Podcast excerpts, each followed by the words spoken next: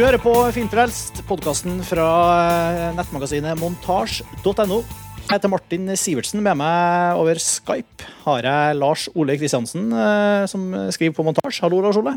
Hallo. Hallo. Og Erik Fogel, eh, produsent i Tordenfilm.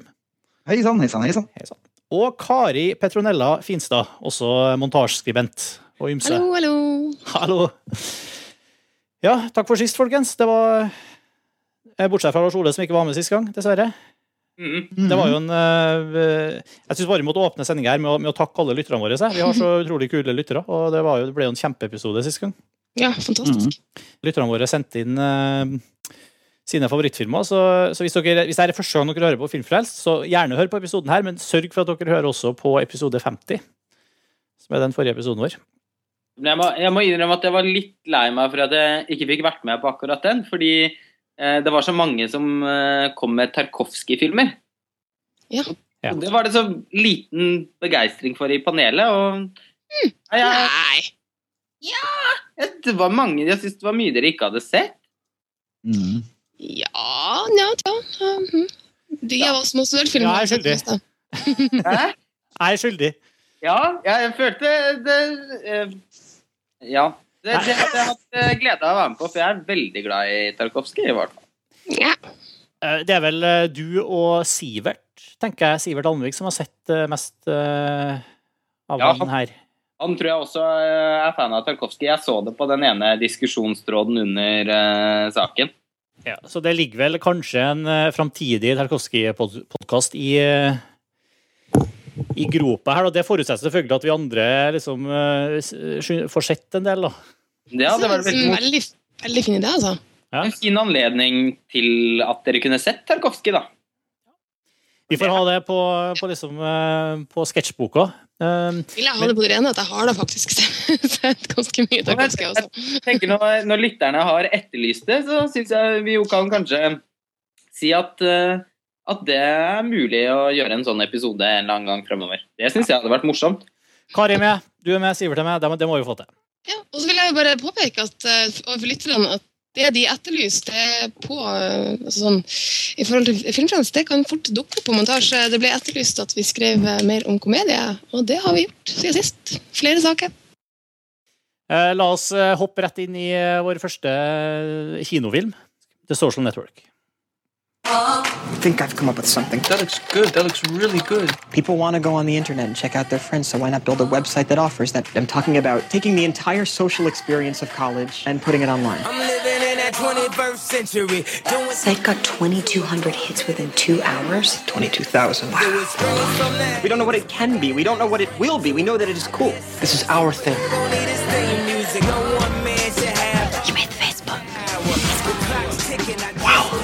Yeah, groupies. This is our time. A million dollars isn't cool. You know what's cool? You? A billion dollars. We don't need him. You're going to get left behind. It's moving faster than any of us Mean get left behind. No one man should have all that power. You're being accused of breaching security, violating individual privacy. Your best friend is suing you for $600 million. I didn't know that. Tell me more. Ja, The Social Network, er regissert av David Fincher, som selvfølgelig handler om, eh, om, eh, om Facebook og Mark Zuckerberg og eh, alle, hele mm, oppstarten av Facebook og konfliktene der. Eirik Smidesang Slåen, som dessverre ikke kunne være med på podkasten i kveld, dro fram ordene 'årets beste film' i omtalen sin. Lars Ole, du er jo heller ikke kjent for å være beskjeden med superlativene. Nei. Er du, har, har du dratt fram M-ordet her? Om jeg har dratt fram M-ordet? eh, ja. Mesterverkordet? ja, for det er jeg ganske glad i. Jeg har jo litt sånn uformelt forhold til det ordet, så det er jeg helt enig i, da. Eh, Jeg syns absolutt at Social Network er et mesterverk. Um, og jeg syns nok det er en av årets tre beste filmer. um, så den ligger veldig høyt oppe for meg også. Men jeg, årets aller beste film, det syns jeg ikke det er. Fordi det syns jeg fortsatt er Inception. Men, eh, men eh, det, det er to filmer som det bare blir merkelig å sammenligne. Og det går med på personlig smak og ja, sånn geekhet, tror jeg, enn det har med filmenes kvalitet å gjøre. Og vurdert opp imot omtrent hva som helst på sine premisser, så er jo The Social Network en, en utrolig helstøpt film. Jeg kan ikke forestille meg at den filmen kunne vært laget på en bedre måte. Jeg, jo, jeg var jo Selv om jeg var Det var først når anmeldelsene begynte å komme at jeg ble veldig gira på den filmen, fordi den fikk jo helt fra første stund helt panegyrisk mottakelse i USA. Og den har jo fortsatt fått enda mye bedre mottakelse i USA enn det den har fått her hjemme. I Norge, som vanlig, slenger jo anmelderne terningkast fem på terningen når de ser noe som virkelig er bra. Men i USA forstår de seg jo litt mer på på, på film, holdt jeg på å si. På terning. På terning, ja. Og, og, og det, altså, The Social Network har et snitt på 9,1, tror jeg, eh, av rundt 250-300 anmeldelser på Rotten Tomatoes. Det er faktisk helt sensasjonelt. Jeg kan ikke huske i min levetid at en film har fått så bra mottakelse i USA. Så det er sensasjonelt. Og Ja, det er også 8,4 på, på IMDb, og det tror jeg aldri ser, det er sjelden jeg ser noe som er der oppe. Ja, Inception har vel 9,2 eller noe, men Ja, på fjerdeplass. Men, eh, men, eh, men kriti at kritikerne gir seg så henover, det er spesielt.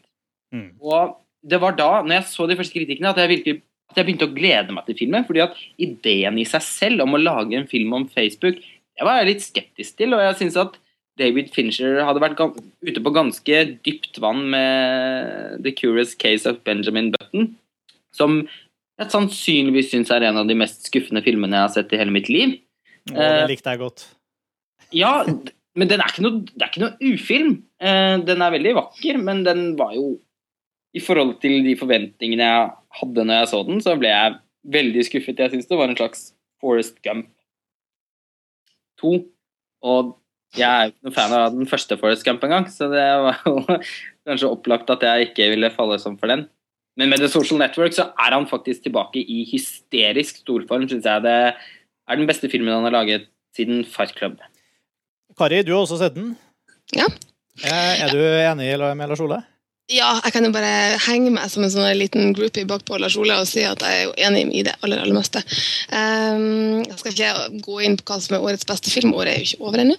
Um, og det går jo veldig mye på personlig smak, men jeg syns vel særlig det er interessant det at, eh, at de klart, altså, at David Fincher laga en så spennende og engasjerende film om et par geeks som lagde Facebook, liksom. Det skulle man jo ikke tro at var mulig. Men det er alt som mulig. Og det som jeg også syns er et veldig interessant aspekt, er jo hele tanken om eh, vennskap, og at hele Facebook er jo bygd opp som a place for friends. Og det at en person som har én venn, og som klarer å miste den, er den personen som har skapt det her. Som vi sitter og glor inn i hver eneste dag. Det handler vel også veldig mye om unnskyld jeg avbryter, men det handler vel også veldig mye om Aaron Sorkin oppi det hele, vel så mye som David Fincher. I forhold til liksom hans, hans uh, vei inn i den, akkurat den tematikken gjennom hans manus. Jeg har i hvert fall inntrykk av at det er en veldig usedvanlig uh, Ikke usedvanlig, men at det er et veldig uh, altså, det er et veldig sterkt forelegg Fincher har jobba med. da. Det er et sterkt foredrag han har jobba med. Ja, det, Det er jo en utrolig dialogtung film. Som, I hvert fall ikke forenkla forelegg. Nei. oi, oi, oi. si at det er, ettersom jeg er så glad i disse superlativene mine, da, så kan jeg jo si meg enig at jeg syns jo det Jeg vil jo si at det er usedvanlig, det manuskriptet som Alan Sorkin har levert her. Det er eh, Filmen er jo ekstremt verbal. Det er nesten et sånn ADHD-tempo på, på dialogen. Det minner veldig mye om en Howard Hawks-film som heter His Girl Friday. Som er veldig morsom, men som først og fremst kanskje er kjent for at skuespillerne snakker så fantastisk fort. Og det gjør de jo også i The Social Network. Jesse Eisenberg, som spiller hovedrollen som Mark Zuckerberg, eh, spill, han snakker jo så fort at jeg jeg har nesten ikke sett maken. Men altså, jeg har hørt det hevda at det her, var at det her har en sånn forklaring i at eh, eh, studioet ba om at filmen skulle liksom bli så og så mange minutter kortere. Og så var David Finchers svar på det jeg var bare prat fortere. Ja, skal du faen ikke se bort ifra, men uh. Men samtidig så er det jo et poeng i seg sjøl at de snakker så fort. De er jo så, og særlig altså, åpningsscenen og dialogen der er jo oh, her er det mennesker som er veldig opptatt av å bevise hvor innmari smart de er. Så snakker til og med fortere enn meg, tror jeg. Men hva, hva er det som gjør, eh, som gjør filmen så bra? Altså, det, det er jo Jeg, jeg syns også den funker. Den er veldig, funker. Det er utrolig driv her, da. Til å være, til å, som du sier, Kari, til å handle om egentlig så, så dølt tema. Så er det jo Og også settinga er på en måte rundt i, i Altså, det er på, i kontorer og på universitetet, og det er sånne forliksmøter og Det er jo det at de har klart å bygge opp ikke sant, eh, genuint engasjerende karakterer som også er veldig bra casta, syns jeg. Jeg synes skuespillerne gjør en, en kjempejobb. Og det at selvfølgelig eh, Facebook og ny teknologi er jo en utvikling som går forferdelig fort. Så når først ting begynner å ta av, uh, og de bare hiver seg på, så, så ligger det jo på en måte allerede der en slags, en slags driv, da. Og som gjør at, at vennskap får går i dass, at, at forhold går fyken, at, på en måte, at man blir for nye konstellasjoner av mennesker, at det plutselig går fra at de tjener ingen penger til masse penger. Så det skjer jo en hel masse. Det gjør det jo. Hva er det som gjør at du har, eh, ikke har fått prioritert å sette den her, da, Erik? Når den har eh, når det er 9, eh, så så mye på IMDb og Ja, ja, ja. Jeg så sjekk, jeg, jeg, altså 97% på Rotten Tomatoes, men jeg fant bare Jeg kan ta det først. Jeg fant ut at uh, Up har 98 faktisk. Up uh, Pixar. Den, men den har ikke like høy karakterrating. Eh, kritiker Tomatometeret sier 98. Ja, men hvis Men, eh, og, og Toy Story 3 sier 99.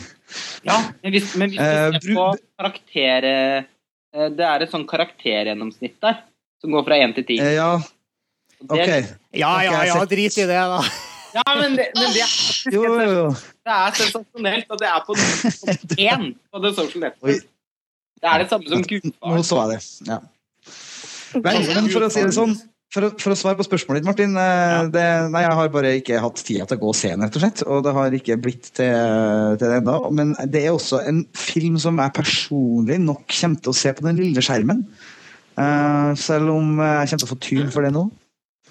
Um, men OK, kanskje ikke. Uh, men, men det er ikke faktisk en film som trekker meg Selv om det er en ny Fincher-film, og det i seg sjøl er stort, så har jeg ikke den der helt uh, liksom gnisten på å springe til kino. da. Det er utrolig mye annet bra som går på kino nå. Ja, men det, der syns jeg du gjør en merk, et veldig merkelig valg. Fordi The Social Network altså Noe av det viktigste med David Fincher sine filmer, i hvert fall for meg, eh, og jeg vil tro ganske mange andre, er jo det visuelle, da. Han er en fantastisk eh, han, er, altså, han er en fantastisk estetiker, og han pleier også å ha et veldig spennende lyddesign på filmene sine. Og dette her gjelder jo også for, for The Social Network. Den har et fantastisk suggererende og flott lydbilde. Veldig, veldig tøff musikk også. Så Trent Reznor, hello. Ja. Uh, altså, musikken i seg selv er jo verdt å få høre på dunkende høyttalere i en kinosal, men også lydbildet ellers er, er veldig spesielt, veldig atmosfærisk, og det visuelle er eh, fantastisk lekkert. Han har jo, og det har han gjort med nesten alle filmene sine, bortsett fra Benjamin Button, så lager han jo sånn nesten et lite inferno, da, uansett hvilken setning han tar for seg. Han tar for seg skolehverdagen på Harvard i USA, men likevel så uh, lyssetter han den på en måte som, som gjør at den blir veldig dunkel og dyster. Da. Det er sånn brunto, bruntoner, oliventoner Altså, det er Filmen her, til, til å liksom foregå i den settingen som den er i, da, så er filmen merkelig atmosfærisk, altså. Og veldig, veldig visuelt flott. Absolutt en kinofilm, vil jeg si.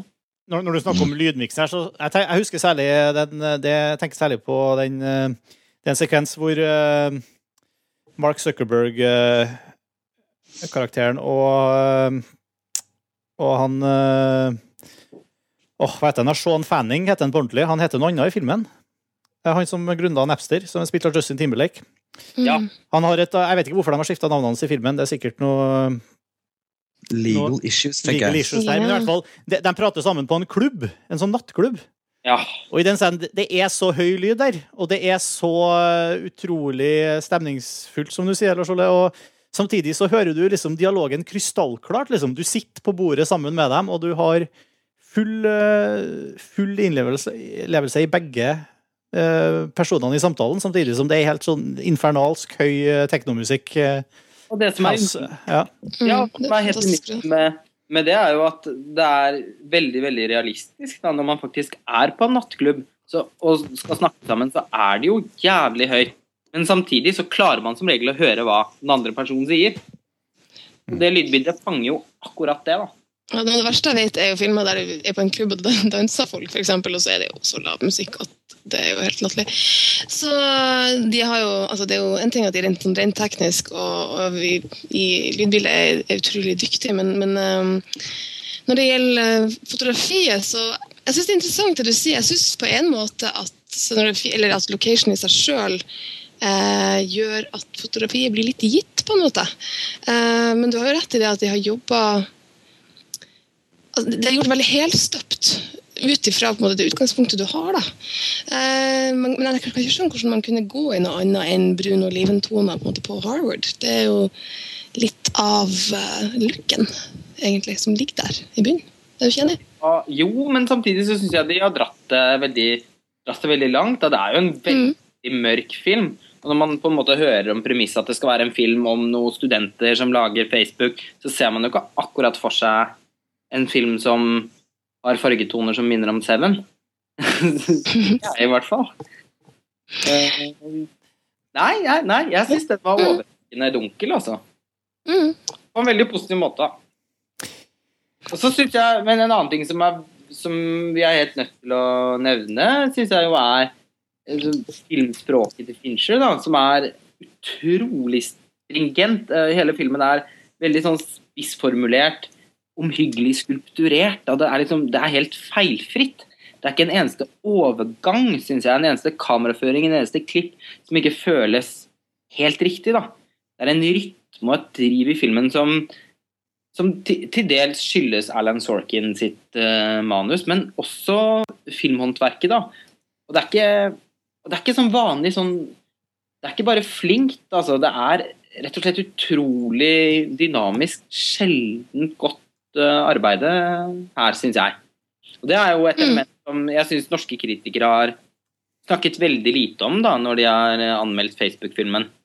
Eh, Det, det, det det mest stort sett har vært skrevet om, er jo at Tenk at denne filmen som handler om Facebook, er så spennende og engasjerende, og den er morsom, og, og, og det er den jo selvfølgelig, men eh, den er også bemerkelsesverdig for David Fincher sitt regihåndverk, som er helt spesielt, og jeg tror eh, Jeg føler meg nesten til og med sikker på at jeg tror at dette kommer til å gi en Oscar til David Fincher. Mm. det er jo interessant det du sier. Altså, det er klart at norske medier har jo tatt tak i det som er mest oppsiktsvekkende først. Eh, noe av det som er så fantastisk med hans regi, det er at den flyter så godt at man, altså, man eh, nesten ikke føler den. Den er bare så skal si, Den er så utrolig smooth. Um, så jeg er veldig enig med deg i det. Altså, det er noe som, som jo også taler for å se filmen flere ganger.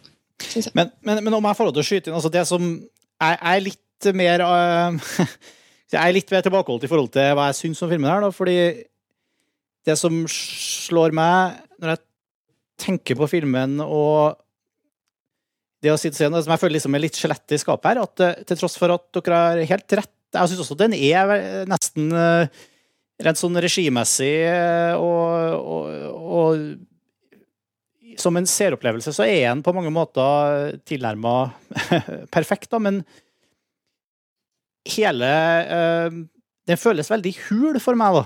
Jeg syns til syvende og sist filmen er veldig lite interessant. Eh, hvis vi ser på, på det som en altså den, Den film som heter The Social Network, den har uh, veldig mye uh, forutsetninger for seg for å handle om om, om veldig spennende ting, da, som handler, enten, det handler, enten det er Mark Zuckerberg, eller det er ting vi gjør på nettet som er kobla opp mot Facebook, eller det er Men til syvende og sist så er det altså Den er jo basert på en bok som heter Accidental Billionaires, med undertittelen The Founding of Facebook, A Tale of Sex, Money, Genius and Betrayal. Og det er, jo, det, det, det filmen handler om, som for så vidt er mer sånn universale filmtema som har veldig lite med med Mark Zuckerberg og Facebook å gjøre, føler jeg. da. Um, Jeg jeg, jeg, jeg, får veldig lite ut av filmen rent sånn eh, Jeg syns det er lite, lite tankegods i filmen, da, for uh, som jeg, kanskje har jo, har ikke lest den boka 'Accidental Billionaires'. Jeg har lest en annen Facebook-bok som heter 'The Facebook Effect', som er skrevet av en kar som heter David eh, Kirkpatrick. Forskjellen på de to bøkene er at eh, han som har skrevet 'Accidental Billionaires', som, som filmen er en adaptasjon av, han heter Ben Messrich, og han har ikke prata med Mark Zuckerberg, ikke hatt noe, noe tilgang til, til Facebook. Eller, han har bare prata med han eh, Altså hovedsakelig prata med eksempel han Eduardo Savrin. ja, Eduardo Savrin, og, og på en måte vært eh, skrevet hele historien fra utsida, da, og fabrikkert en slags sånn historie her som, som tydeligvis filmen er basert på. Han, David Kirkpatrick er liksom den uh, som har skrevet det Facebook-effektboka, er på helt andre motbord. Han har liksom hatt full tilgang til, all, til hele Facebook-systemet, alle som jobber der, inkludert Mark Zuckerberg, og skrevet en, en helt annen historie som, som liksom maler et helt annet bilde av eh, av både motivasjonen til Zuckerberg Altså, jeg trodde faktisk ikke Jeg, jeg tror veldig lite på den Mark Zuckerberg-personen som blir framstilt av, av David Fincher og Aaron Sorkin i filmen. Og jeg føler at liksom Det, det er Jeg syns filmen var veldig underholdende, men jeg føler at, at det, det, det er veldig mye style og veldig lite substans da, som, som jeg tar hjem fra den Ja, men jeg tror det har noe med å gjøre med at du kanskje opp, at, du kanskje opplever den som litt sånn karikert. Jeg vet ikke. Ja, veldig. Altså, jeg, jeg, jeg, har lyst, jeg fant et veldig artig klipp eh, fra Mark Zuckerberg sjøl, så filmen, Ja. eh, og har latt seg intervjue om filmen. Mm. Jeg, jeg skal bare spille, spill det for dere. Jeg, jeg, jeg, jeg resonnerer veldig med det han sier her, da, om, om, mot- om eh, hva som, hvilke motivasjoner som ligger til grunn for, eh, for den figuren i filmen, og, og hva som sannsynligvis ligger til eh, motivasjoner Mark Zuckerberg sjøl hadde for å lage Facebook. Og jeg skal bare finne fram det klippet her nå. Two more questions, then we'll open it up to the audience. Um, so Ron also asked the audience how many of you have seen The Social Network, and most people have. So I haven't seen it, but I wanted to ask you if th- if that's the picture that, that people have in their head about what happened, about what actually happened. I mean, where do you want to start? One of the biggest ones. I, I mean, I don't know. It's interesting what stuff they focused on getting right. Like every single shirt and fleece that I had in that movie is actually a shirt or fleece that I own. Um, but, um, but I, you know, uh, so there's all this stuff that they got wrong and, and a bunch of random details that they got right. The thing that I think is actually most thematically interesting that they got wrong is they, I mean, the, the whole framing of the movie, kind of the way that it starts is I'm with this girl who doesn't exist in real life, um, who, who dumps me, um, which has happened in real life a lot. Um, and, um, and, and, and basically they frame it as if the whole reason for making Facebook and building something was because I wanted to get girls or wanted to get into some kind of social institution. Um, and I mean, the, the reality for people who know me is I've actually been dating the same girl since before I started Facebook, so obviously that, that's not a part of it. But I think it's just, it's such a big disconnect from, I think, the way that people who make movies think about what we do in Silicon Valley, building stuff. Right? Like, they just can't wrap their head around the idea that someone might build something because they like building things.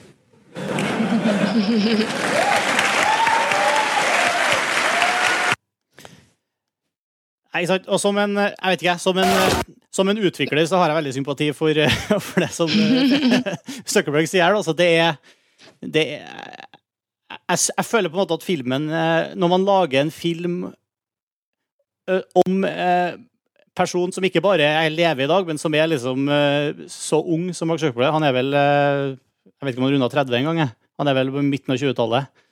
Og jeg vet- Så, så føles det som veldig sånn lettvint eh, Kan informere om at dagen etter meg i 1984.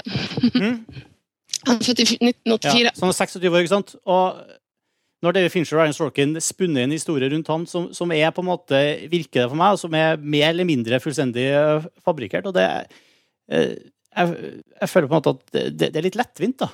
Eh, Selv om filmen er veldig, veldig bra og underholdende. Men jeg tenker at det, jeg tror det kommer litt an på øyet som ser, da. Altså mm, Hvis man vil ha en, en, en den sanne historien med, som, er helt autentisk. Så må man vel kanskje vente på at han eventuelt skriver en bok selv, da, selv om den også vil være preget av hans blikk. Og selv om han sier at ting er sånn og sånn, så er det jo ikke sikkert det er riktig heller. For det er jo egentlig bare riktig for han. Og for min del så var det jo kanskje på en måte det jeg ville vært minst interessert i med den filmen her. Jeg syns jo det er kjempeuinteressant. Ja, men den kunne handla hva som helst, da, med andre ord. Ja, altså, det, det, det, det, er helt irrelevant at den filmen her eh, faktisk handler om uh, angivelig om Facebook og Mark Zuckerberg og de gjengene her. Det, kunne handla om hva som helst, så, så, så lenge du kan fortelle historien om sex, betrayal og, og love og, eller, uh, og ambition, eller hva det nå den altså. Jo, men jeg tenker at jeg syns at de har sett på Altså, Facebook er jo et veldig symptom på den generasjonen som filmen skildrer, da. Og det jeg syns filmen har blitt, er jo et, et slående generasjonsportrett, da. Uh, av en gruppe utrolig narsissistiske Altså veldig, veldig kjølige mennesker som til enhver tid har en sånn veldig sånn sosial performativitet. Da. Det handler hele tiden om, om hva andre skal synes, hva andre skal tenke. Na, na, na, na, Og hele ideen bak at de skal lage disse sosiale eh, nettverkene, er jo er jo at dypest sett for at de skal se om folk er single eller in a relationship, og at de skal kunne Altså, det er jo Hele Facebook begynner jo som en litt sånn avansert datingside, da.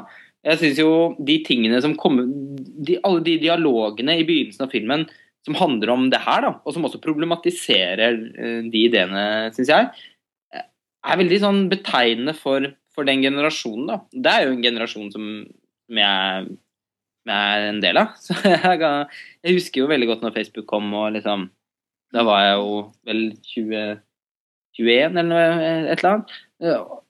Jeg, men jeg, jeg syns også den, fang, den fanger noe som er som er veldig syrlig, syns jeg. som en satire da, på, på den generasjonen, så syns jeg filmen er fryktelig effektiv. Og veldig, veldig morsom òg, som en satire skal være. Jeg lo jo. Jeg, jeg tror ikke jeg har ledd så mye under noen film i år som jeg gjorde under Social Network. Mm. Jeg, synes at jeg er veldig uenig med Martin i at denne filmen kunne handle om hva, uh, hva som helst. At, uh, for jeg synes Den handler i veldig stor grad om Facebook, nettopp pga. det Lars Ole sier. Altså, det at, altså, den egner seg veldig godt som arena for uh, et persondrama og for tematikken altså nettverk og hvordan vi forholder oss til andre mennesker. Og ja, Sosiale nettverk, sosiale situasjoner, bli kjent med nye mennesker, nettverksbygging.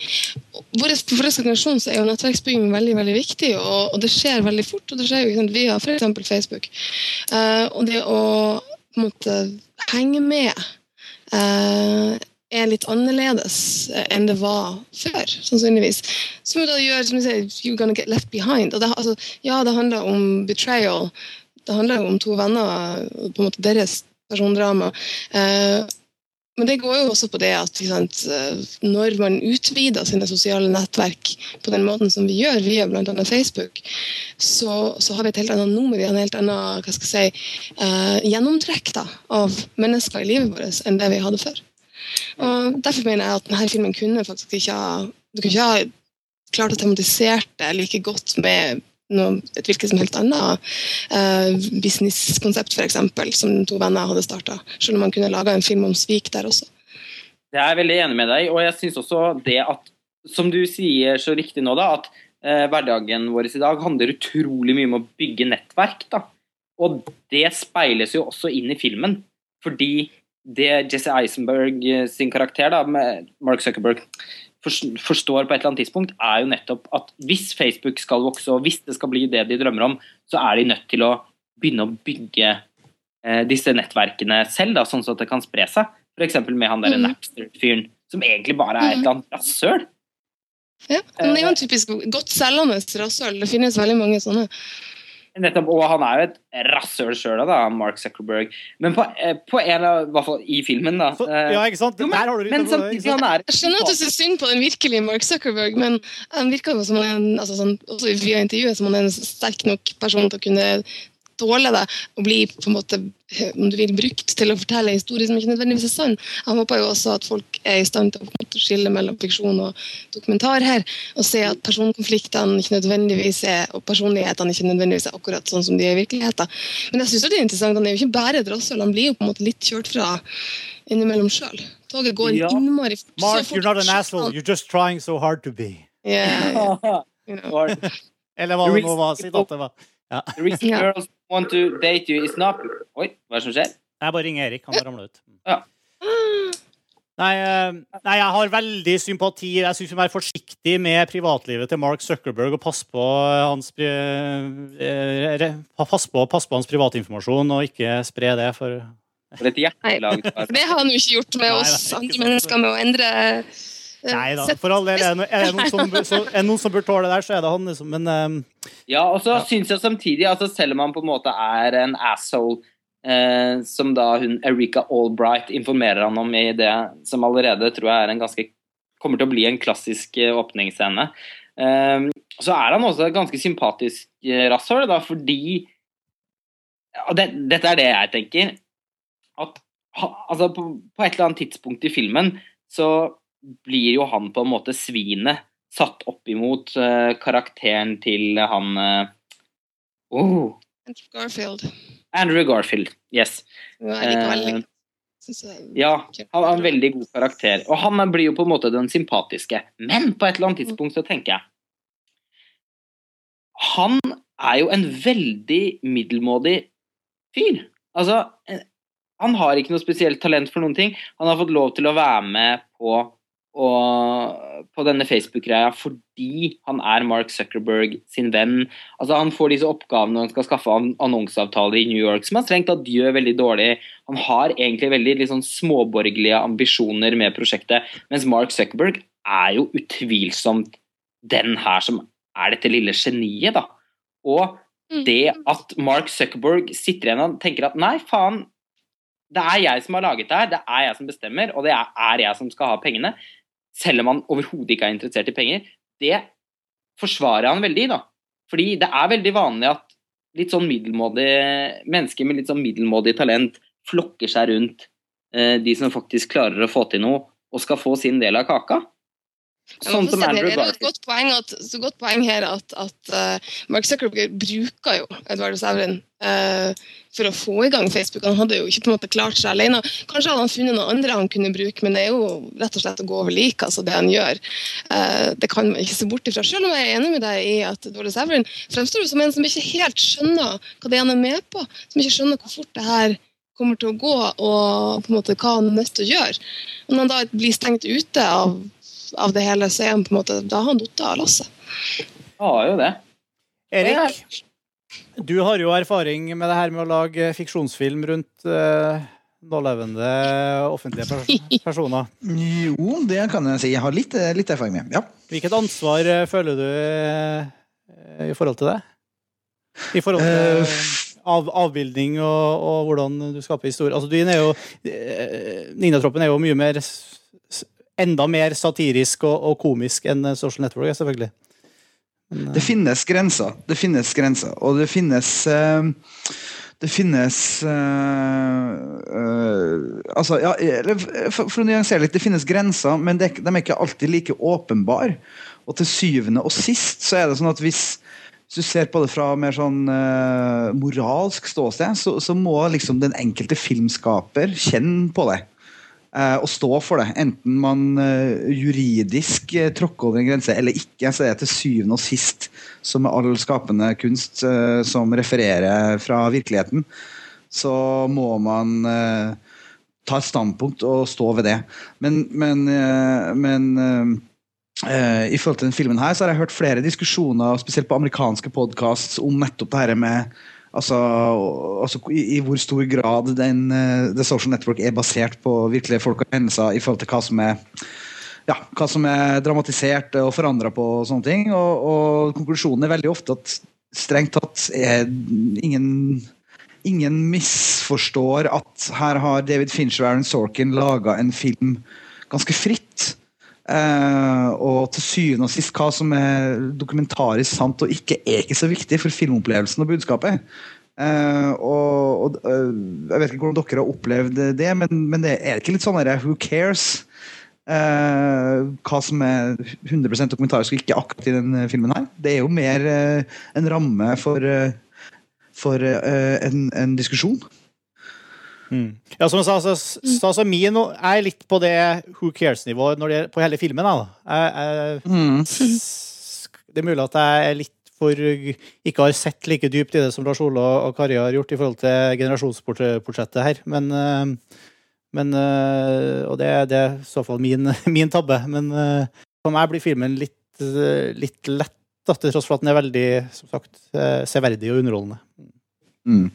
Det ble sagt innledningsvis at den ble tatt liksom enda bedre imot i USA enn her. Selv om den har blitt, fått veldig mye skryt her også. Men så ser jeg jo liksom også, I Norge er ikke det her en like stor film. Uh, men det tror jeg handler om ikke bare Det tror jeg også handler om hva skal jeg si, om college, om startup, IT-bølge, sånne type ting som kanskje på et eller annet vis resonnerer sterkere i USA. Jeg vet ikke. Det er jo ingen sånne historier her i Norge.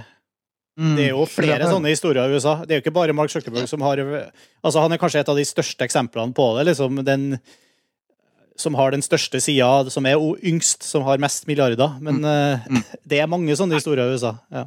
Det er en typisk amerikansk fortelling òg. Altså, den har blitt veldig mye sammenlignet med Citizen Kane. Uh, og mm. selv om det alltid på, altså David B. Blood ble også sammenlignet med Citizen Kane, og det er jo på en måte alltid en veldig drøy sammenligning. Men, uh, men den er jo ikke helt bak målet, da. Det, det er jo Jeg tror det mange mener med den sammenligningen også, er nettopp bare det at det er en veldig typisk amerikansk fortelling. da. Det er jo et Rosebud-øyeblikk på slutten av, av The Social Network, selvfølgelig. Ja. Mm. Selv om, selv om Zuckerberg selv, selv selvfølgelig fullstendig avviser realiteten i det, så funker det jo veldig bra i filmen. Mm.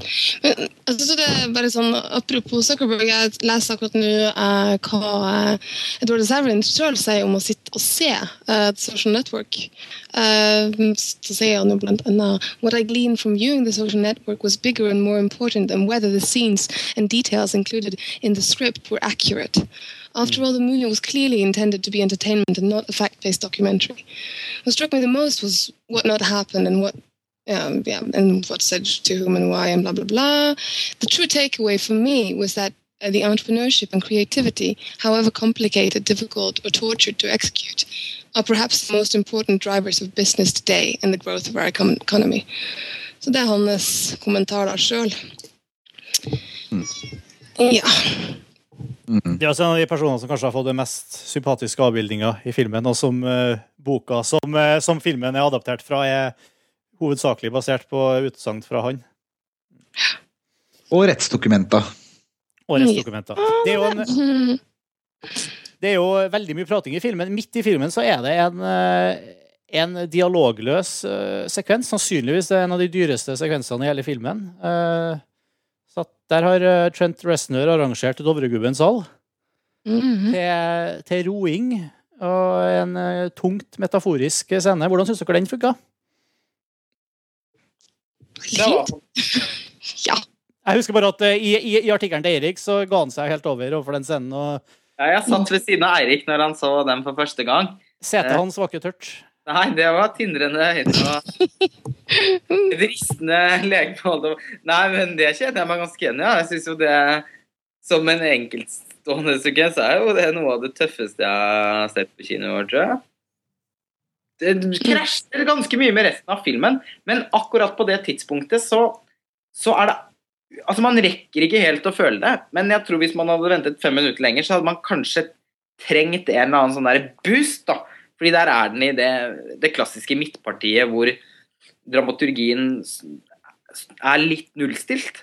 Og den scenen funker som en sånn vitamininnsprøytning underveis, syns jeg, da. Uh, og, og, samtidig så er den en liksom morsom referanse til David Fincher sin uh, sin tidligere karriere som musikkvideoregissør. Da. Det var jo det han begynte som. Og jeg vil jo se jo på den uh, Dovregubben Sal-sekvensen som en liten musikkvideo midt i The Social Network, og en veldig flott musikkvideo. Det er også en veldig fin eh, sånn Ja, Erik, har du sett den? Si, Nei, jeg har jo ikke det, men jeg bare lukter jo en veldig fin og veldig pen overgang til neste film her, sånn tematisk sett. Men jeg bare fortsett, ja. Mm. ja, sant nok. Jeg, jeg er helt enig med deg, Lars Ole, at det er en veldig det, Den passer Det er veldig fint å ha den for, for å myke opp filmen litt, da. For å balansere Ja. Og så er den jo utrolig effektiv i å formidle altså, på et slags sånn billedlig nivå den her eh, At det er liksom så ørsmå hårsbredder når de her robåtene kommer inn over målstripen, som, som avgjør hva som tar av i, eh, i dotcom-bobleverdenen. eh, eh, Mm. og hva som ikke gjør det. Liksom at eh, Facebook eh, kom foran eh, gjorde det, gjorde, klarte å eksplodere på den måten det gjorde. Og det er så mange andre startups som, som gjør det samme. Som prøver det samme. Eh, Og, eh, og eh, Ja. Nei. eh, Det er artig. Det var en veldig fin scene. Jeg likte den. Veldig, veldig, veldig fin. Men som du sier, Erik, Dovregubben Dovregubbens hall tar oss jo eh, elegant over til, til vår eh, neste film. Det og Den virkelige Dovregubben. Det er den virkelige Dovregubben.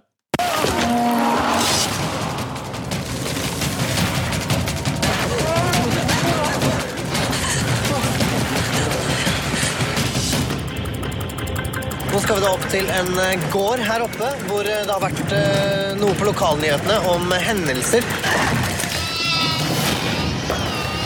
Folk vil jo alltid prøve å finne naturlige forklaringer på sånne ting. Men hvis man oppsøker åsted og leter etter spor, er det ikke vanskelig å finne ut om det er troll som har vært på ferde. Hvorfor skal ikke folk få vite hva som foregår her? av det kameraet. Nå. Så tror du Michael Moore ga seg etter første forsøk? Tror du det? Det er ingen her som tror på Gud eller Jesus. Ja, lang trailer. Vi kutter den der. Trolljegeren. Fantastisk eh, lyddesign. Ja. Oi, nå er noen Cylon her. fantastisk lyddesign eh, på Filmfrelst òg. Er det du som er Cylon, Erik? Jeg tror ikke det. Nei, det er Kari. Ja. Oi! Det var deg. Hei, Kari. Er du, har du, du har USB... Altså, er det USB-headset du har? Eh, Ja. Det er en eh, Skype-bug som fører til at visse USB-headset blir eh, Cylon. på- Min bug har gitt seg. Jeg var jo, I fjor så var det jo eller tidligere podkaster har vært Cylon hele tida. Men ja, nå er det bedre. Men Trolljegeren, ja. Alle, har, alle har sett den. Yes. Og, og ja, hva syns dere om den? Den er jo i ferd med å bli en virkelig publikumssuksess. Ikke minst også med en kjempeboost nå når vi spiller inn her, så har det nettopp vært eh, store kinodagen. Mm. Så det førte jo til at det var den andre uka den var på kino, så hadde den jo et høyere besøk enn den hadde første, eller, unnskyld, første helga. Jeg var jo blant de som så den på den store kinodagen. På Prinsen i Trondheim. Eh, Det var jo helt fantastisk stemning i salen. Og folk flira og lo og eh, Flira og lo, faktisk. Eh, Det verste, altså. Nei, men eh, herregud, det det er en utrolig eh, publikumsfilm. Det, det er jo Det er kanskje en av filmene jeg har blitt mest positivt overraska over, da. eh, På lenge. eh, Som, som jeg hadde veldig dempa forventninger til. da. Fordi det, det Mm. var rett og slett jævlig artig. Mm. Jeg må si at jeg synes så at den er mm, Jeg skjønner godt at den blir en stor suksess på kino. eh, Og skjønner på hva jeg si at dokumentarprinsippet jo er altså, Måten den er utført på som dokumentar, er ikke spesielt nyskapende, men det gjør på en måte så lite. Det eneste jeg må si, det er jo at vær så snill, folkens, bare ikke spis så mye sjokolade, fordi man blir jo så innmari bilsyk av kameraføringa. Det er jo helt Oi, ai, ai, ai. Jeg hadde litt sånne problemer, faktisk. Fordi at det var såpass Det var liksom så veldig realistisk eh, håndholdt kamera at det kanskje var litt mye av det gode. Um, en annen ting er at jeg syns at innimellom sliter litt med um, å holde oppe drivet. Altså, det blir jo kjempespennende når man begynner med troll, men innimellom så tenker jeg OK, hva var nå egentlig vitsen med det her? Sånn, I og med at det jo da åpenbart er tull og tøys, så kunne vi kanskje klart å gjort det dramaturgisk litt bedre. Ja, for skummelt er det jo aldri. Vi er jo aldri på noe sånn Blair Witch Seriøst det, er jo- det er jo fullstendig useriøst liksom, fra første stund. Du vet jo, du skjønner jo det, liksom. Ja. en, mon- det er en monsterkomedie i dokumentarforkledning. Eller dokumentarforkledning. Så synes jeg liksom åpningstekstene som det blir litt teit. De prøver liksom å få det til å se ut som jeg vet ikke, De kunne faktisk ha gjort De er enda litt mer åpenbart uh, fjasete, spør du meg. Men det var min Ja, altså, personlige mening. jeg syns det blir litt patetisk at de på en måte forsøker å et, Når de skal på en måte etterstrebe den troverdigheten så voldsomt da, med disse innledningstekstene og sånn, når, eh, når, når regissøren tillater seg å f.eks. spytte inn Robert Stoltenberg som en polakk, Knut Knut Nærm og ja. og han derre standup-komikeren ja. altså, Det syns jeg ødelegger veldig mye for det konseptet man forsøker seg på. Jeg skulle jo ønske på så- akkurat Altså, akkurat som Karsten eh, skriver i sin anmeldelse av filmen på montasje, så skulle jeg ønske at de ikke hadde valgt dokumentarformen når de skulle lage en Altså, man kunne laget en morsom Altså en komedie om troll eh, uten å bruke det dokumentar... Eller det dokumentargrepet, da. Det syns jeg er veldig forslitt og ganske kjedelig. Og, men jeg skjønner jo det har sikkert også vært en måte å stramme inn budsjettet på, da. Eh, før- altså Fram til slutt, helt i, det er bare helt i den siste scenen i filmen at man faktisk får se et troll. De andre, hver gang trolla kommer tidligere i filmen, så snur jo som regel kameraet seg bort. Nei, det er, det er jo ikke helt Nei, sant. det er jeg ikke enig i. Det er jo masse Det er ganske mye troll, men det, men det er klart at det som er til slutt, er jo at eh, spoiler alert, at du får se troll i dagslys i lange innstillinger. Altså, det er noe, sånne ting som Så du får kanskje følelsen, Lars-Ola, av at, det, av at du blir snytt uh, litt grann for troll før. Og Ja, det er klart det er mye, de bruker veldig mye night vision og sånn. Mm. Ja, det er for at det skal være litt skummelt om man ikke helt skal se ting klart. da. Og det er jo Mm. også sånn fordi at de på en måte først selvfølgelig ikke helt tror på troll. Uh, så, men jeg er jo veldig enig med Lars at Jeg, jeg syns vel at den, dokument, altså den dokumentarformen altså Ja, den er litt utbrukt, som jeg har nevnt før. Det er ikke akkurat nyskapende. Og som sagt, jeg, får, jeg blir bilsyk av sånne ting. og så syns jeg det var Ja, det er en liten det virker litt ufokusert i å ha de åpningstekstene som er så tilsynelatende seriøse, men som vi alle sammen jo selvfølgelig skjønner at bare er tull. Um, det, for de er jo ikke noe morsomme heller. De kunne gjort bedre grep for å holde på humoren. Ja, det, jeg føler at det er liksom sjangerkrav eh, på et eller annet vis, og, og det er jo troverdighet. Eh, eller tilsynelatende troverdighet har jo helt åpenbart vært prioritet nummer én sånn regimessig, da, og, og det, det er ikke uproblematisk. Eh, for meg heller, og jeg syns det er masse å ta filmen på i forhold til det. For eksempel så En ting som jeg irriterte meg litt over, at jeg la merke til at altså, uh, ka, altså Kameraføringa er jo veldig realistisk på den måten at det skal liksom være studentfilmer. Altså ja. studentfilmskapere som lager dokumentar. Så det er veldig mye, som du sier, bilsykt dokumentarkamera. Men det er også en ekst, veldig sånn ekstremt valg som er tatt, er at når de klipper i lyden, så, nei, unnskyld, de klipper i bildet, så klipper de også i lyden hver eneste gang. Og de har synliggjort, eller ikke synliggjort, men de har i veldig mange klipp peker de på at nå bryter vi lyden, og det skaper en litt sånn ubevisst, tror jeg, for veldig mange publikummere, litt sånn ekstra uro. Du skjønner ikke helt hva det er, for det er ikke noe du nødvendigvis prosesserer liksom sånn rent sånn ytterst i bevisstheten din, da, men det er veldig mye skurr og skrap på lyden som gjør det til en veldig sånn eh, brokete eh, opplevelse. Da. Og det Ja. Ja, altså det, det som gjør eh, at filmen skurrer litt for meg, er, den, er det jeg vil si at er litt sånn schizofren regi. da. Jeg syns, eh, jeg ikke grepene er godt nok gjennomført. Altså, for det første så skulle jeg personlig ønske at det ikke var en dokumentar, at man ikke hadde valgt den tilnærmingen. Men det blir jo litt dumt å ta filmen på, fordi man må jo strengt tatt vurdere filmen som den er. Men når den da er en dokumentar, så syns jeg ikke den gjennomføringen er spesielt vellykket. Når man da eh, kaster inn kjendiser da, i, i masse av birollene som er veldig distraherende for den autentisiteten som de forsøker å bygge opp. Så Det, er- det er klart de, Litt Fønete, altså. Det, det er klart i direkte konflikt med den samme troverdigheten som de har ofra veldig mye annen glatt regi på alteret for. Eh, det er jeg helt enig med deg i, men samtidig så er filmen en kommersiell publikumsfilm som skal ha noen navn, liksom. Og da, at jeg tenker at hva hadde, hva hadde, ikke, hva hadde filmen hva hadde filmen vært hvis jeg hadde tatt bort Otto Jespersen? Altså, sånn som du Nei, sa men, men, men han er unntaket. Fordi eh, jeg syns også denne filmen har blitt eh, god. Eh, på sine premisser så syns jeg 'Trolljegerne' har blitt en god film, først og fremst fordi den er morsom. Og den er morsom av én ting, og det er Otto Jespersen, som er helt, helt fantastisk. Eh, han gjør faktisk en rolletolkning. Altså, man kan jo si at uansett, Hvis du kaster inn Aksel Hennie i en film, så er jo det potensielt sett like distraherende som en kjent komiker.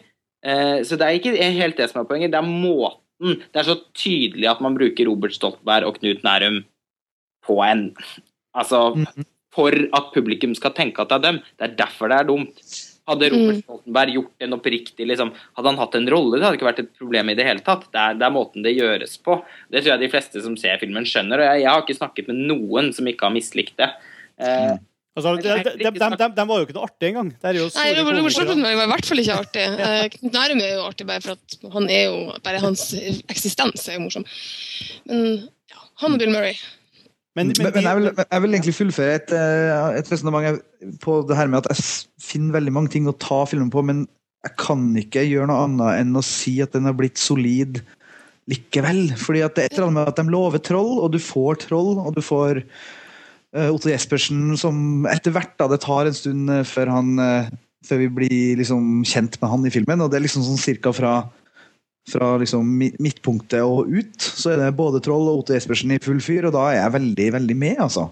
Og så, og så syns jeg at du, at du får gode vitser. Altså, det er jo på en måte nå- altså, Som dere sier, det, det er jo ikke noe frugg av troverdighet her i utgangspunktet, så det er jo det er jo et vitseshow. Det er jo en slags sånn sketsjeparade. Og, og veldig mange av de sketsjene syns jeg var veldig morsomme.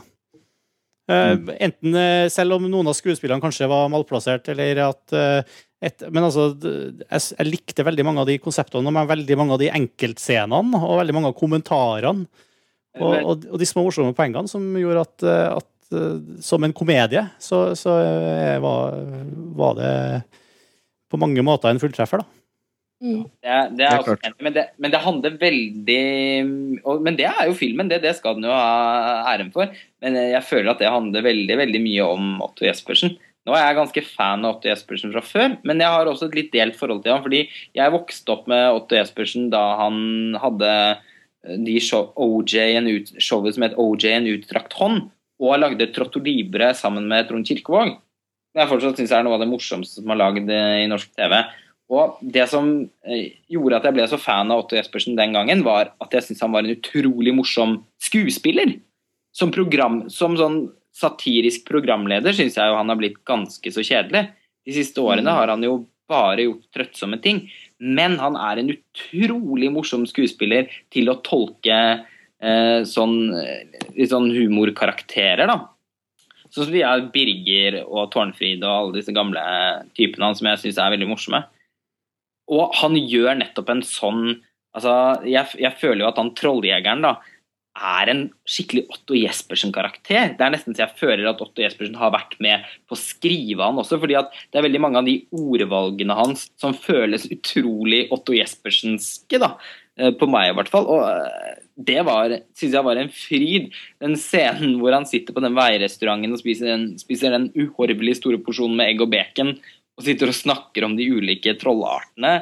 eh, Det var helt hysterisk morsomt. Ja.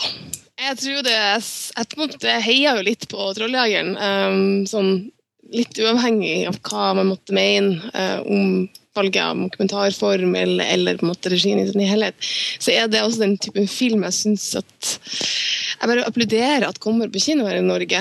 Som jeg tror vi trenger mer av. for å liksom, Det handler ikke om å løfte nivået på norsk film, i det hele tatt, faktisk mye mer om å bare øh, ikke ta oss sjøl så forbaska høytidelig hele tida.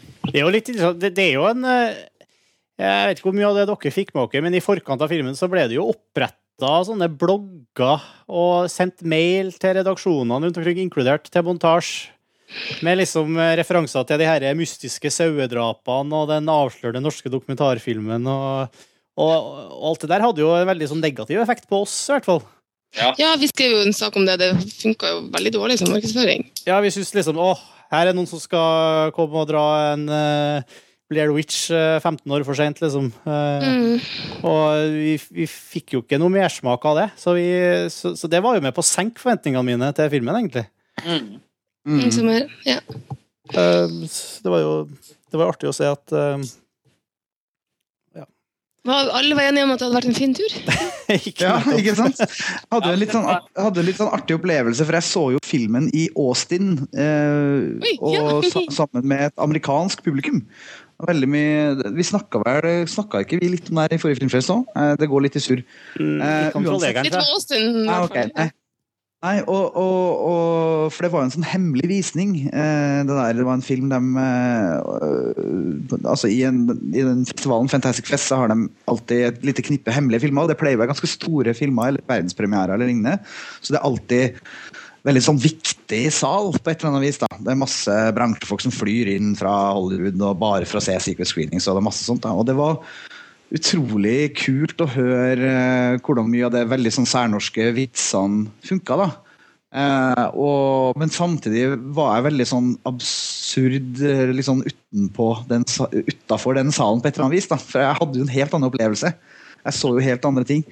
Eh, men når det er sagt, så det er ikke en tvil om at den visinga var liksom det som la altså det, For det er en film som det fantes en trailer, og de har fått en del interesse på det. Men det, her, det var den visinga som gjorde filmen sånn internasjonalt. da.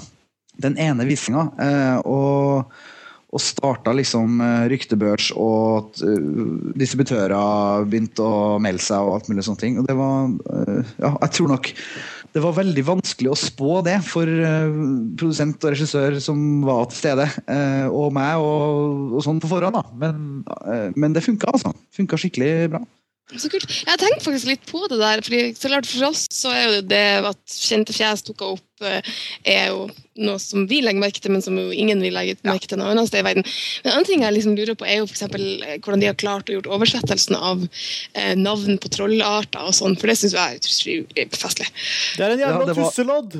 Ja, jeg, jeg husker ikke dem i hodet, men eh, jeg husker ikke dem navnene i hodet, men de hadde virkelig de, Når Otto Jespersen ramser opp de forskjellige typene, så hadde oversetteren uh, hatt litt å bryne seg på, men det var en ganske morsomme navn Bra. uh, på engelsk også. Men jeg husker dem ikke. Rumpeldunk og ja. Men og så har du sånne konsepter som er på en måte sånn tre bukkene Bruse og Mm. broa under trollet. Sånne ting som kanskje man ikke har noe forhold til i amerikansk kultur. Som kanskje også er vanskelig å oversette rent sånn konseptmessig.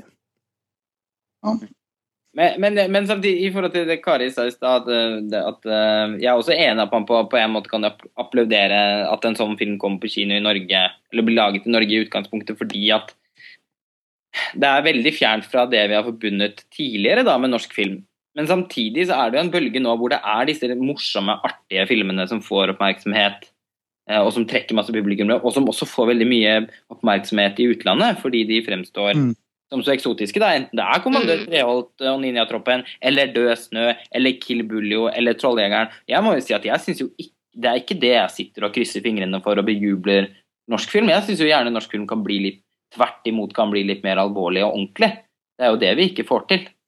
Ja, altså det, jeg, jeg er jo enig med deg i at det må, en måte, det må være en bredde. Jeg syns det har vært litt sånn forfriskende at det har kommet ting av hva skal jeg si, sjangre som vi ikke har hatt noen tradisjon for å, å jobbe med. Men det er jo det er jo sånn som du sier, det har vært en tendens til at det er veldig mye tull og fjas som på en måte blir eksotisk for folk i andre land, og at vi ikke helt klarer det å lage eh, god film som også er alvorlig, uten at den på en måte blir sånn Veldig tydelig og kjip. ja, introvert folk som sitter og stirrer på hverandre til man f- ja. Kristin Ja, eh. Kristen Så Det er også noe av grunnen til at jeg blir likevel føler liksom behov til å være litt nøktern òg, da. I hvert fall hvis konteksten er at man skal snakke om norsk film. Til 'Trolljegeren'. Mm. det er OK, den, den var morsom og den var fin, men jeg klarer liksom ikke å føle at det er ikke noe Jeg syns ikke det er noe stort skritt for norsk film, selv om den gjør det bra i utlandet. Det er det andre filmer som har gjort på de samme premissene. Og jeg synes nok dette kanskje er den mest vellykket som sådan. Da. Jeg, jeg synes jo jeg hadde mer glede av å se den her enn det jeg hadde av 'Død snø', f.eks. Som jeg syns var en veldig slapp uh, slapp film. Eh, Det finnes mange andre filmer i samme sjanger som er mye artigere å se på enn den, syns jeg. Men 'Trolljegeren' var, den var morsom og den var underholdende. og det er en veldig anbefalt kinoopplevelse. Også, også en film jeg kunne tenke meg å se igjen. Men det handler nok mest av alt om Otto Jespersen, altså, som jeg syns fortjener veldig mye kred for den filmen. Jeg føler at han er det bindeleddet som gjør at filmen funker såpass bra som den gjør. Hadde det vært en annen skuespiller som var den karakteren, og som eh, ikke leverte en like god tolkning, så, er, så mener jeg at da, da syns jeg filmen hadde vært virkelig vært ganske middelmådig. Altså, det er, jeg syns det er Otto Jespersen som løfter dette her, og det syns jeg han fortjener veldig mye kred for. Absolutt en sterk kandidat til Amanda neste år, faktisk, syns jeg. Mm. Ja, men han må, jeg, jeg mener det, altså. Jeg syns han skal få seriøs kred for den rollen. Fordi den var virkelig god. Den var. Så 'Trolljegeren', en film som vi hadde relativt lave forventninger til, viste seg å, å, å ikke innfri dem.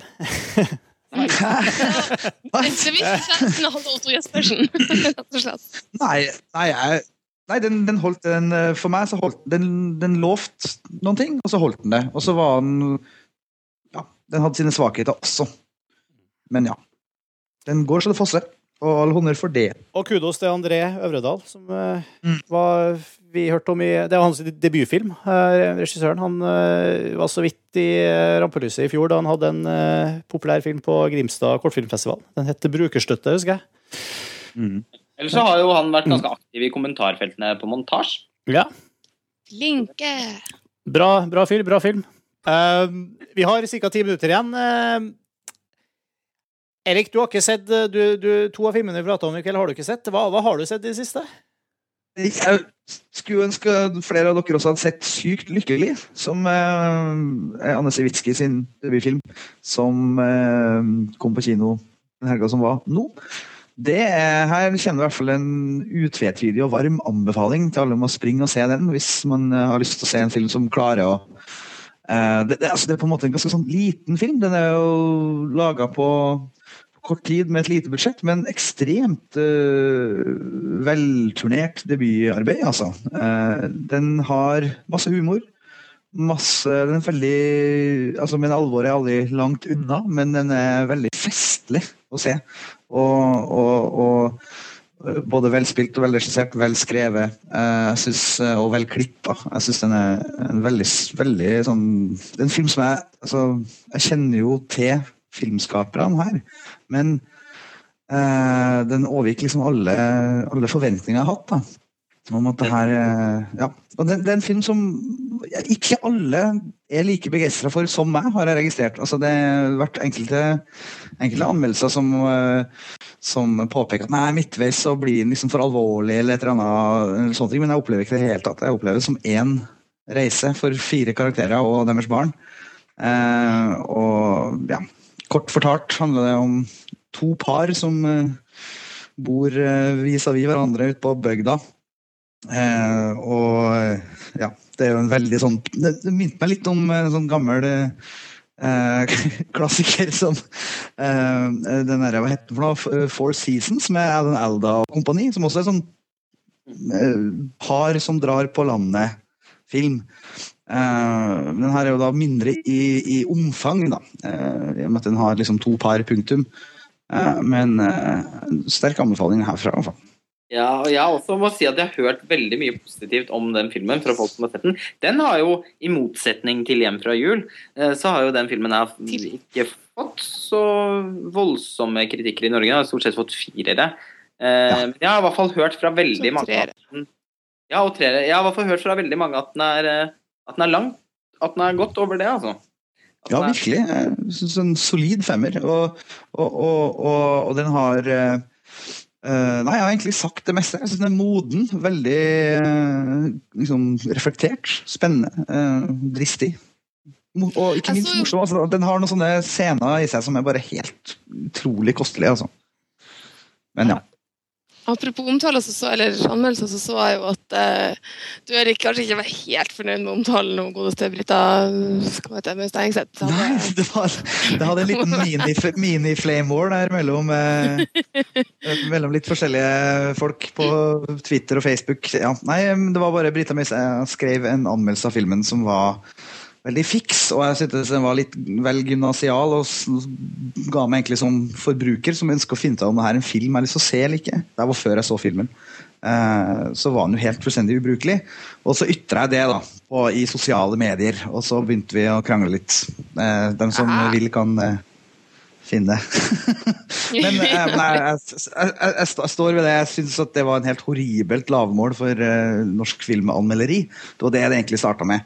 Det var ikke liksom eh, hva, hva Brita Mason mente om Sykt lykkelig. Det, det, liksom, det, det, det kan være så, men, men å kalle det hun skrev for en anmeldelse, hvis hun er profesjonell som anmelder, det fikk jeg liksom ikke til å gå opp. Men det var det mange som syntes, så derfor hadde vi en debatt. Ja, jeg jeg over Jeg så den debatten på Twitter. jeg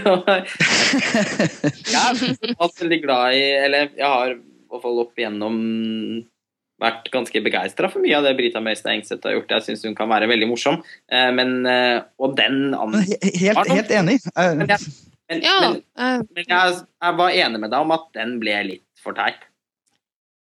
Det er liksom litt det at jeg, men det er så snodig. Ja, nei, um, innimellom så har hun liksom virkelig klinka til med ting som har fått meg til å le, og som synes var veldig underholdende. Men noe med det å kanskje ta filmanmeldelse som underholdning litt vel langt her. Er jeg, si, for jeg har nemlig sett den anmeldelsen, og jeg bare tenkte hva i hallo? Det er jo som Det, sagt det er hun som ble politianmeldt filmer. Ja. Ja, men jeg, jeg, er veldig enig med det skal ha det, uredd og ja, alt det der. Men, eh, men det er liksom litt at det er jo faktisk på et eller annet vis forbrukerjournalistikk. Det, her, altså det skal jo ha en nytteverdi. Eh, men det hadde jo åpenbart ikke den anmeldelsen. Nei, hun gikk nok litt langt i sitt eget behov og evne til å underholde. Ja, det var hun, litt gjorde artig. samme, hun gjorde det samme med Limbo tidligere i høst, og Limbo, som jeg syns var en strålende norsk film, eh, hadde hun også en slaktende anmeldelse som minnet veldig om den sykt lykkelige anmeldelsen. Ja, det er også en sånn liste med poenger nedover. Ok, Vi må begynne å, å runde av her. Vi, vi må innom eh, Gjett filmen-konkurransen vår før vi avslutter. Så her er også poenget at vi spiller et videoklipp, og så er det opp til dere som hører på, å gjette hvilken film klippet er fra. Så forrige episode så spilte vi eh, det klippet her.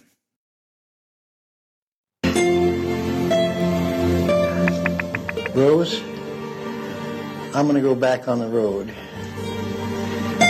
I've got to go see Lyle. But, Dad, how are you? Well, I haven't quite got that figured yet.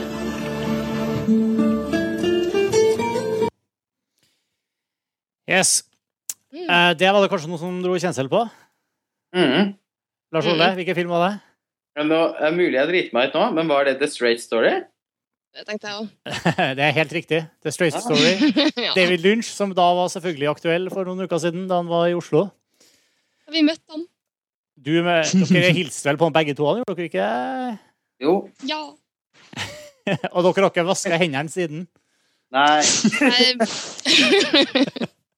Eh, I hvert fall, Det var mange som gjetta riktig her. eh, Og vinneren, eh, som tilfeldig trukket ut av dem som har sendt inn riktig svar, det er altså Jørgen Grytøyr som uh, tippa helt riktig. Du, en T-skjorte er på vei til deg. Montasje-T-skjorte. og det er det flere muligheter til å vinne. Vi skal spille et nytt klipp i episoden her, så det er bare å spisse ørene og høre om dere drar kjensel på det klippet her.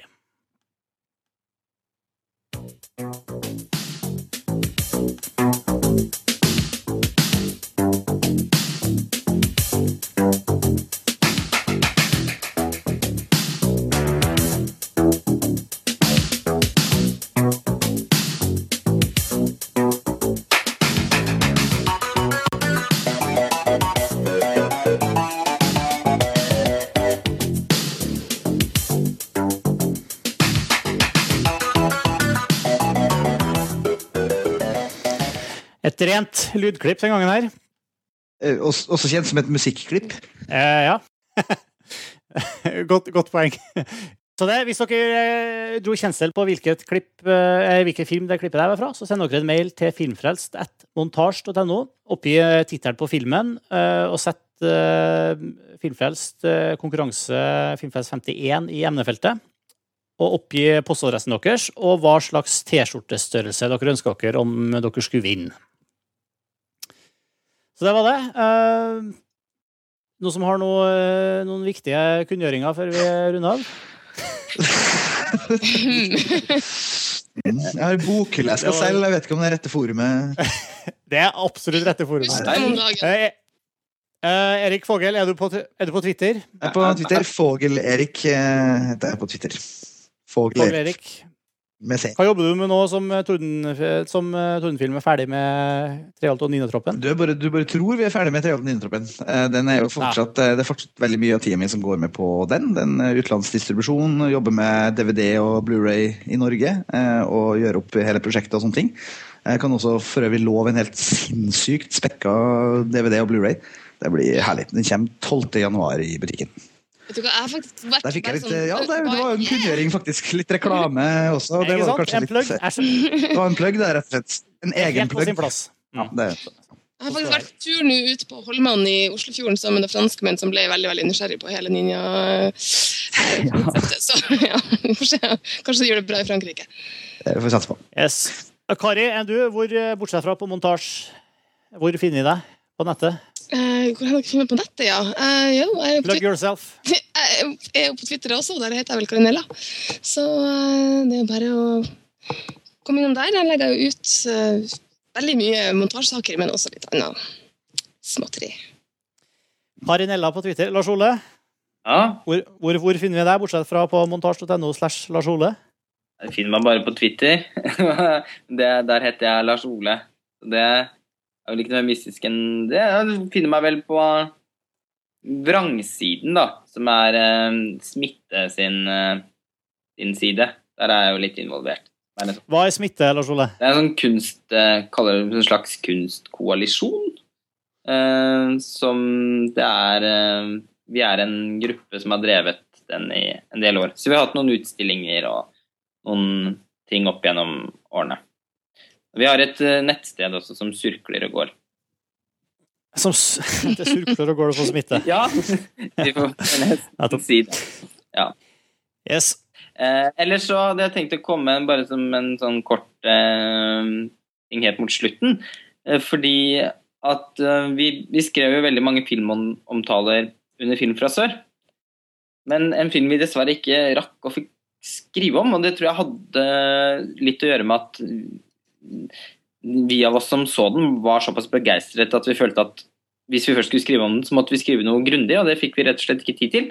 Men en film som jeg i hvert fall kan si at uh, folk kan glede seg veldig til, som kommer like over nyttår, det er uh, årets gullpalmevinner, onkel Bon Me, som kan erindre sine tidligere liv av Apichat Pong Verasetta Kull. Det er en helt fantastisk film. Som eh, Altså, det var Det var nesten som å se film for første gang og, og møte den filmen. Den var helt utrolig. Den eh, distribueres heldigvis av Arthouse rett over nyttår. Og folk eh, Hvis det hvis det blir noen skuffelser utover høsten, så, så kan folk trøste seg med at eh, den venter like over nyttår. Veldig bra anbefaling. Eh, og med det så runder vi av eh, denne episoden av eh, Filmfrelst. Vi er tilbake forhåpentligvis en gang, i hvert fall en gang til i løpet av november. Takk for laget, alle sammen. Takk for en god prat. Ha det bra. Ha det bra! Vi høres igjen. Ha det bra. Hei Svein.